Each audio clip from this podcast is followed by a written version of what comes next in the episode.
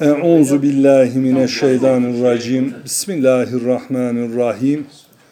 Kale Rabbi şrahli sadri ve yessirli emri vehlül ugdeten min lisani yefkahu kavli ve üfevvidu emri ilallah innallaha basirun bil ibad. Rabbimiz göğsümüzü genişlet. Lisanımızdaki düğümü çöz.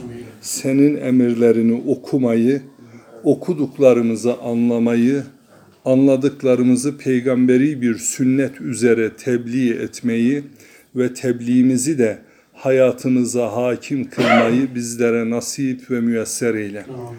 قالوا سبحانك لا علم لنا إلا ما علمتنا inneke entel alimül hakim. Rabbimiz bizim ilmimiz yoktur. Senin öğrettiklerinden başka. Gerçek manada ilim ve hikmet erbabı zatındır ya Rabbi. Euzu billahi mineşşeytani vel insi vel cinni ve nefsi emmareti bis su'i. Rahmetten kovulan şeytanın şerrinden, şerli olan insanlar ve cinlerin şerrinden ve daima kötülüğü emreden nefsi emmarenin şerrinden zatına sığınırız bizleri muhafaza eyle. Rabbi zidni ilmen ve fehmen ve elhigni bis salihin velhamdülillahi rabbil alemin. Rabbimiz ilmimizi artır, zekamızı, anlayışımızı kuvvetlendir.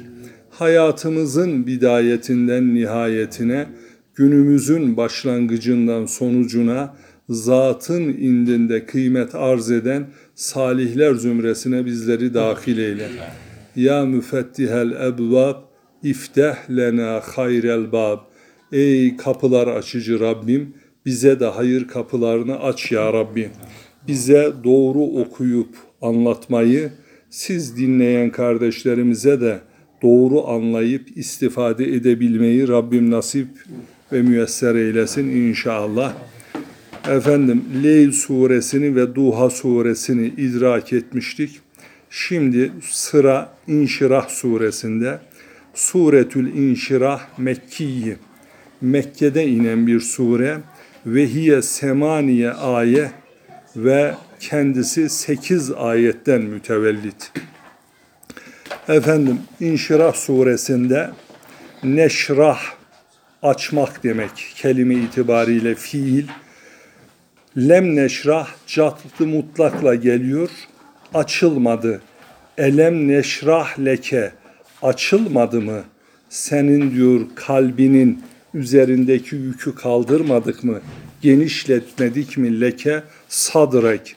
Senin kalbin üzerindeki yükü, ağırlıkları açıp da genişletmedik mi? Tefsir alimleri diyorlar ki Hazreti Resul-i Zişan Efendimiz miraca teşrif ederken e, Cibril Emin ve beraberinde gelen melekler Hazreti Resulullah'ın mübarek kalbini yardı, içinden e, göğsünü yardı, kalbini çıkardılar ve çıkardıktan sonra dediler ki ey Allah'ın Resulü gökler aleminde daha evvelce görmediğin varlıklarla, meleklerle karşılaşacaksın.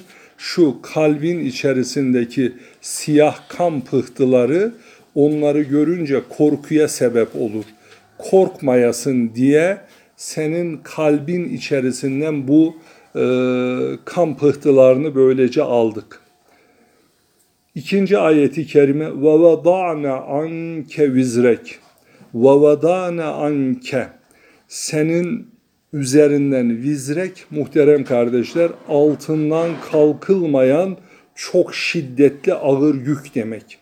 Vavadane onu üzerinden aldık. Onun için de tefsir alimleri diyorlar ki Hazreti Resul-i Zişan Efendimiz Allah'ın görevlendirmiş olduğu risalet içerisinde Mekke'nin ileri gelenleri iman etsin diye kendini çok heder ederdi. Kimleri? Özellikle Ömer İbni Hişam, Efendimiz Hazretlerinin lakabı ile Ebu Cehil ve Ömer İbni Hattab, Hattaboğlu Ömer ikisinden biri için Ya Rabbi İslam binasını bunlardan birisiyle direklendir diye Hazreti Resul-i Zişan Efendimiz kendi omuzlarında risalet görevinde çok ağır yükler hissedermiş ve o ağır yükleri üzerinden aldık. Ellezi o ki en gada zahrek ne kada insanın sırtının ve belinin kemiklerini çatırdatır derecede. Zahrek ise bel kemiğinden alıp insanın küreklerine kadar olan sırt bölgesine zihar. Kur'an böyle bir ifade kullanıyor. Diyor bu yük o kadar ağır bir yüktü ki senin belinin kemiklerini çatırdatır derecede bir ağır yüktü. Tabi burada ne var? Mecaz var. Onu görüyoruz. O mecazı mecaz hususunda önceki söylemiş olduğumuz ayeti kerimelerde de olduğu gibi Hazreti Resulullah'ın peygamberlik öncesinde ve peygamberliğin ilk yıllarında isabetsiz üç kararından da nedamet duyduğunu, pişman olduğunu tefsirler bize anlatıyor. Nedir bunlar? Birincisi efendim e, Bedir Harbi'nde 72 tane e, karşı taraftan esir alınınca onlardan diyet, fidye alınmak suretiyle adam başı herkesten yüzer altın alınmış ve serbest bırakılmış. Bu olay Rabbimiz tarafından kınanmış. Hazreti Resul-i Zişan Efendimiz sağ yanında Hazreti Ebu Bekri Sıddık, sol yanında da Hazreti Ömer radıyallahu an istişare ediyor. Hazreti Ebu Bekri Sıddık diyor ki ya Resulallah görüldüğü üzere bizim efendim iki tane atımız var. Savaş için savaş ağırlıklarını taşıyacak katır, at, deve ve savaşacak insanlarımızın ihtiyacı için kılıç, mızrak, kalkan gibi lojistik güçlere ihtiyacımız var. Adam başı yüzer altın alalım ki bunlarla birlikte savaşa daha güçlü girelim. Hazreti Ömer radıyallahu anh diyor ki hayır. Savaş hukukunda alınan esirler kesinlikle öldürülmeli. Ey Allah Resulü sen o amcan Abbas'ı, ey Ali sen de abin Akil'i, ey Ebu Bekir sen de o oğlunu, Hazreti Ebu Bekir Sıddık'ın oğlu da o saflarda, ben de kendi yakınlarımı gösterin onları öldüreyim. Allah 18 mevzuda Hazreti Ömer radıyallahu anh'ın fikirlerinin isabetli olduğunu ortaya çıkarıyor. İkinci bir mevzu anlatmıştım gelmeyenler istifade etsin diye bir kez daha anlatayım.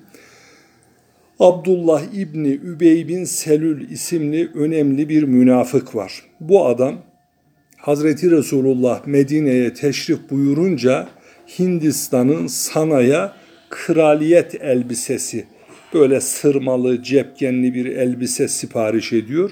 Resulullah'ın Medine'ye teşrifiyle birlikte o kraliyet arzuları yere düşüyor. Zaman zaman Peygamber Efendimiz'e gizli, zaman zaman açıktan münafıklık yapıyor. Bir tanesi Uhud Harbi'ne giderken 300 kişilik kuvvetini çekiyor. Bin kişilik Müslüman ordusu düşman karşısında 700 kişilik bine karşılık zayıf bir güçte kalıyor. O moral bozukluğuyla savaş kaybediliyor. Kaybedildikten sonra bahse konu adam ölürken oğlu Müslüman olmuş. Hazreti Resulullah da ismini Abdullah olarak değiştirmiş. Geliyor diyor ki babamın bir vasiyeti var ey Allah'ın Resulü.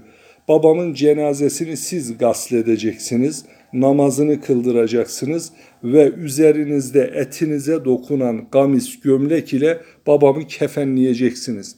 Hazreti Resulullah da e, o bin kişilik e, Abdullah İbni Übey bin Selül'ün mensup olduğu sülale iman etsin diye Müslümanların sayısı çoğalsın ve güçlensin, kuvvetlensin diye namazını kıldırıyor. Hazreti Ömer radıyallahu anh geçiyor diyor ki yahu bu bize şu şu şu zararları vermedi mi?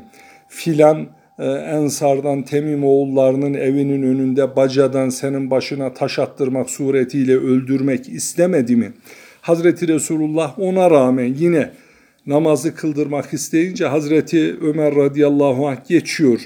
E, musalli namazı kılınacak mevta ile namaz kılacak insanların arasına kıldır da göreyim diyor. Allah münafıkın suresini indiriyor. Ey Habibim sen münafıkların namazını kıldırsan da dua etsen de Allah onlara rahmetiyle muamele etmeyecek. Onların gideceği yer ila cehennemi zümera. Bir başka tefsirlerin bize beyanı da Hazreti Resulullah Mekkeli aristokrat yani o günün bilgili, ekonomiyi elinde tutan, diğer bir ifadeyle e, siyasetini elinde tutan, sosyal, kültürel değerleri elinde tutan, Muallekatül Seb'a adında yedi eseri yazıp da Kabe'nin duasına asan insanlarla görüşürken, konuşurken kimdir? Ee, Hazreti Hatice Tül Kübra annemizin dayısının oğlu veya halasının oğlu Abdullah İbni Ümmü Mektum oraya geliyor. Gelince Hazreti Resulullah'a bir şeyler soruyor. Resulullah da onun o sorusundan çok rahatsızlık duyuyor. Yüzünü döküyor ve Sure-i Celil'e geliyor. Abese ve tevelle yüzünü döktü ve sırtını döktü, döndü. Enceahumul ama o ama insan yanına geldi diye. Dolayısıyla burada ellezi engada zahrek sırtını çatırdatırcasına efendim e, yükleri diyor sırtından almadık mı? Ve rafa'ne leke zikrek ve senin şanını yüce tutmadık mı? Evet, Hazreti Resulullah'ın ismi Cenab-ı Hak Teala tarafından namazda şahadetle değil mi? Eşhedü en la ilahe illallah ve eşhedü enne Muhammeden abduhu ve resuluhu bir okunuyor. Okunmasa namaz dahi olmaz. Ezanı Muhammediye'de hakeza, gamet getirirken hakeza. Yine Hazreti Adem Safiyullah'ın belki yeri geldi faydalı olur diye arz etmek isterim. Hazreti Adem Safiyullah arşu alada Hazreti Allah'ın ismiyle beraber Resulullah'ın adını görünce soruyor. Diyor ki Rabbim kimdir bu Muhammed Resulullah? Buyuruyor ki o senin neslinden Hatemen Nebi peygamberlerin sonuncusudur. Ya Resulallah onun e, Rabbim onun cemalini bana bir gösterir misin? Baş parmağının tırnaklarına bak diyor. Eski kaynaklarda diyor ki Hazreti Adem Safiyullah'ın baş parmaklarından bir ayna gibi görüntü açıldı. Bugün olsa ne deriz? Ekran açıldı. Hazreti Adem Safiyullah öptü, gözlerinin üzerine sürdü. Urreti ayuni ya Habibi. Ey sevgili, gözümün nuru olan sevgili ve Resulullah dedi ki her kim ki bu sözü söylerse kederden emin olur, şefaatim de üzerine vacip olur. Efendim burada Rabbimiz ne buyurdu? Ve refa'ne yükselttik leke senin için zikre, zikrini, şanını yükseltmiş oldum. Fe inne me'al usri yusra. Böylece me'a beraberdir. Dikkat edersek marife geldi. Usra marife geldi. Yusra ise nekre geldi. Marife eliflam takısının olması. İnsanlar hayatı boyunca usrayı yani e, zorlukları diyor bilirler. Bunu da şöyle izah ediyoruz. Diyoruz ki Hazreti Allah Hazreti Adem Safiyullah'ın mübarek cesedini yaratınca emrediyor. 39 e, yıl mübarek cesedin üzerine e, gam, gussa, keder, acı, zorluk yağmurları yağıyor. Ancak bir yıl sürur yağmurları yağıyor. Onun içindir ki Adem oğlunun insanların ömründe kederi, sıkıntısı, zorluğu, mutluluğunun 39 kat daha fazlasıdır. Ve Rabbimiz ne buyuruyor? Zorluk ile kolaylıklar beraber bilinir. İnne me'al usri yusra muhakkak ki her zorluktan sonra yine bir kolaylık vardır. Dikkat edersek bunu tekit, kuvvetli olarak peş peşe söylüyor. Yani her zorluktan sonra bir kolaylık daha vardır diye. Fe iza feragte fensab. Fe böylece iza olduğu vakit feragta. Bunu bizim burada da söylerler. Farig olmak, boşalmak, bir işten kurtulmak. Feragta boşaldığında fensab nasab yorulmak demek. Bir daha yorulmaya başla. Bunu nasıl anlayalım? Şöyle anlayalım. Yani Allah'ın emrettiği vahyi aldıktan sonra boş durma. Hemen onu tebliğ etmeye başla. Bizim için ne anlayacağız? Ey insanlar, Kur'an talebeleri bu Kur'an'ı duyduktan sonra bunun üstüne yatmayın. Siz de duyduklarınızı anlatın. Zira her Müslüman dininin görevlisidir. Her din görevlisi de tebliğ etmekle mükelleftir. Her öğrendiğini uygulamak üzere öyle. Seyyid Ahmed Rufai Hazretlerine diyor, ilim, buraya dikkat edin, ilim amelin açlığından doğuyor ise faidelidir. Aksi takdirde hiçbir faidesi yoktur. Yani öğrenmek duygusu uygulamak için oluyorsa faidelidir. Aksi takdirde kişi kitap yüklü merkep olmaktan öteye götürmez. Ve ila rabbike fergab ve tüm işlerini yaparken sen Rabbine karşı fergab, rağbetini ondan esirgeme. Allah'a güven, Allah'a inan, Allah'a dayan, Allah'tan gelecek emirleri bekle. Böylece e, İnşirah suresinde Hazreti Resulullah'a Hazreti Allah'ın verdiği değer, onun şahsında zorlukların ardından dünyada kolaylıkların olacağı ve Resulullah ile birlikte ümmetinin de ne yapması? Hazreti Allah'a rağbet edip onun emirlerine dikkat çekmesi anlatılmaktadır. Peki baba, biz bir iki şurada daha görmüştük. Kalk yorul, boş vaktini değerlendir. Eyvallah. Emrimi terbiye et diye değil mi? Eyvallah. Çok var demek ki. Mesela bak e, insan eyvallah alim unutur kalem unutmaz diye Hazreti Resulullah'a soruyorlar. Diyorlar ki bu zorluklar evvela kim içindir? Buyuruyor ki dünyadaki zorluklar, iptilalar önce peygamberler içindir. Sonra veliler içindir. Sonra kademe kademe salih kullar içindir. Hatta bunu hikayesiyle anlatayım.